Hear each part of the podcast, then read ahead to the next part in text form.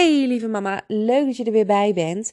Ja, ik ben er deze week eh, een beetje om orde te scheppen in je hoofd, in je huis, omdat we richting de feestdagen gaan en ik zit daar zelf middenin. Ik heb gisteren een hele grappige quiz uh, online gezet.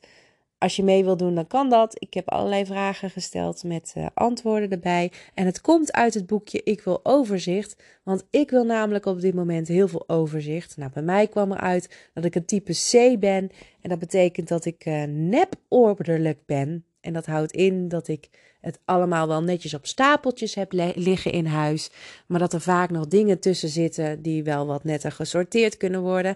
Nou, eigenlijk klopt dat ook wel. Ik was een heel erg D ooit. Echt heel chaotisch, creatief. En overal lag iets. En ik wist precies waar alles lag. En ik heb mezelf omhoog gewerkt naar een C.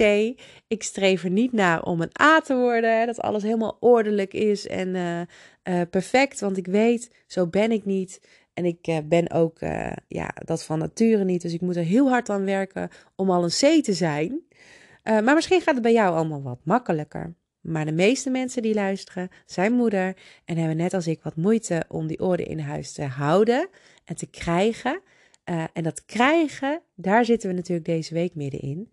Want hoe krijg je het nou ordelijk in je huis? Dan ben je lekker aan het opruimen en dan moet je gaan beslissen of um, je dingen moet wegdoen of dat je dingen moet houden. En daar kan je enorm mee gaan worstelen. En zeker als het gaat om die dingen wegdoen, hè, die we niet meer nodig hebben. En het gaat uh, vaak over uh, uh, kleding in je kast, kleding sorteren die naar de kringloop kan.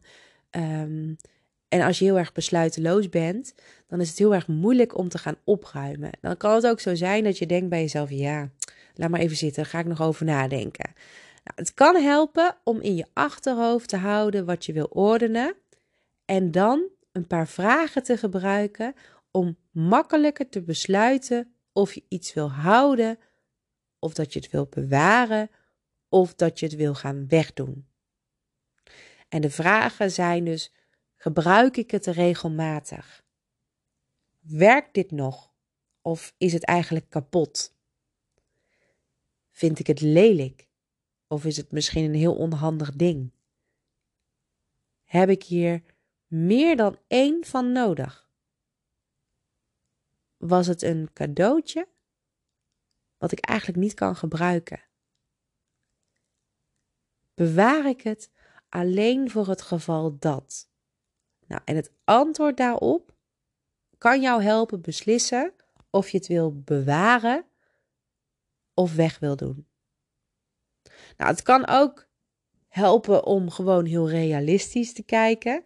En dan jezelf bijvoorbeeld um, ja, daarmee te helpen. Denk bijvoorbeeld aan als je iets niet meer hebt gedragen, al twee jaar niet, omdat het niet past.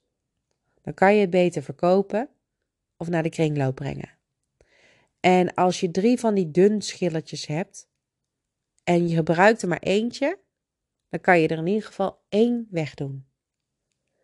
En als je een boek uit hebt, dan kan je het wel op de plank zetten of je doet het bij oud papier. Maar je kan het ook weggeven aan iemand anders om te lezen. Er staan ook heel vaak boeken op de plank die je dus al drie jaar niet opnieuw hebt gelezen. Terwijl je dacht, nou, vind ik zo'n leuk boek. Ga ik vast nog een keer doen. Waarschijnlijk niet. En als je iets houdt voor het geval het nog van pas komt. En je houdt het en het gebeurt het komende half jaar niet. Dan is het tijd om het echt weg te doen. Dit zijn echt van die dingetjes die je eigenlijk wel ergens weet, maar die je gewoon uh, vaak ook negeert. Bijvoorbeeld mijn dochter, dat is een boekenmonster. Als ik daartegen zeg, joh, als je je boek uit hebt, dan moet je hem weggeven. Dan uh, kijkt ze me aan alsof het eh, onnodig is. Dus word je er gewoon blij van dat de boeken op je kamer liggen, hoef je dat natuurlijk ook niet te doen. Maar als die boeken heel veel ruimte in beslag nemen en je hebt er echt heel veel staan, dan kan je wel goed er naar kijken en bedenken van, goh, wil ik ze echt nog allemaal bewaren? Of staan ze hier echt in de weg? Of word ik er juist heel blij van? Beslissen is dus mega moeilijk, maar je kan het jezelf makkelijker maken door de juiste vragen te stellen aan jezelf en ook jezelf goed realistisch te laten kijken naar een artikel of product in jouw huis. Nou ja, dat wilde ik jou vandaag meegeven. En wat heel erg slim is, is om te beseffen dat als je minder spullen in je huis hebt, uh, dan krijg je meer tijd. Want dan moet je minder opruimen. Dan heb je minder tijd nodig om dingen op te bergen. Dan kan je je spullen ook veel sneller vinden. En als je minder rommel in je leven hebt, dan krijg je ook meer ruimte om je heen. En krijg je dus uiteindelijk minder, of, uh, ja, minder opruimklussen. En rommel maakt het ook veel moeilijker om je spullen terug te vinden. En het kan visuele prikkelingen geven. En dat geeft stress in plaats van rust. En dat kan je heel makkelijk testen door eens te gaan zitten in een kamer waar heel veel spullen zijn. En dan te gaan zitten in een kamer waar bijna geen spullen zijn of minder spullen zijn, waar je minder prikkels krijgt.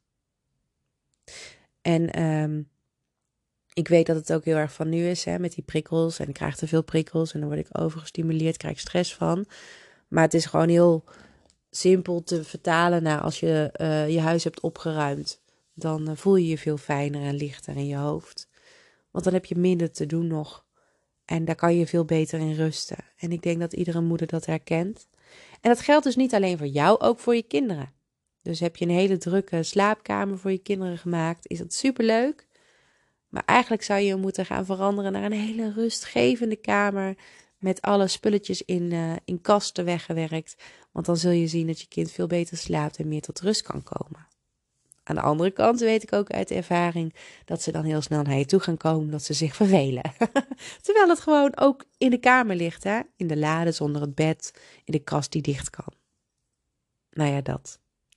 Ik wens jou voor vandaag een hele fijne dag en ik ben er morgen weer. Tot dan. Doeg!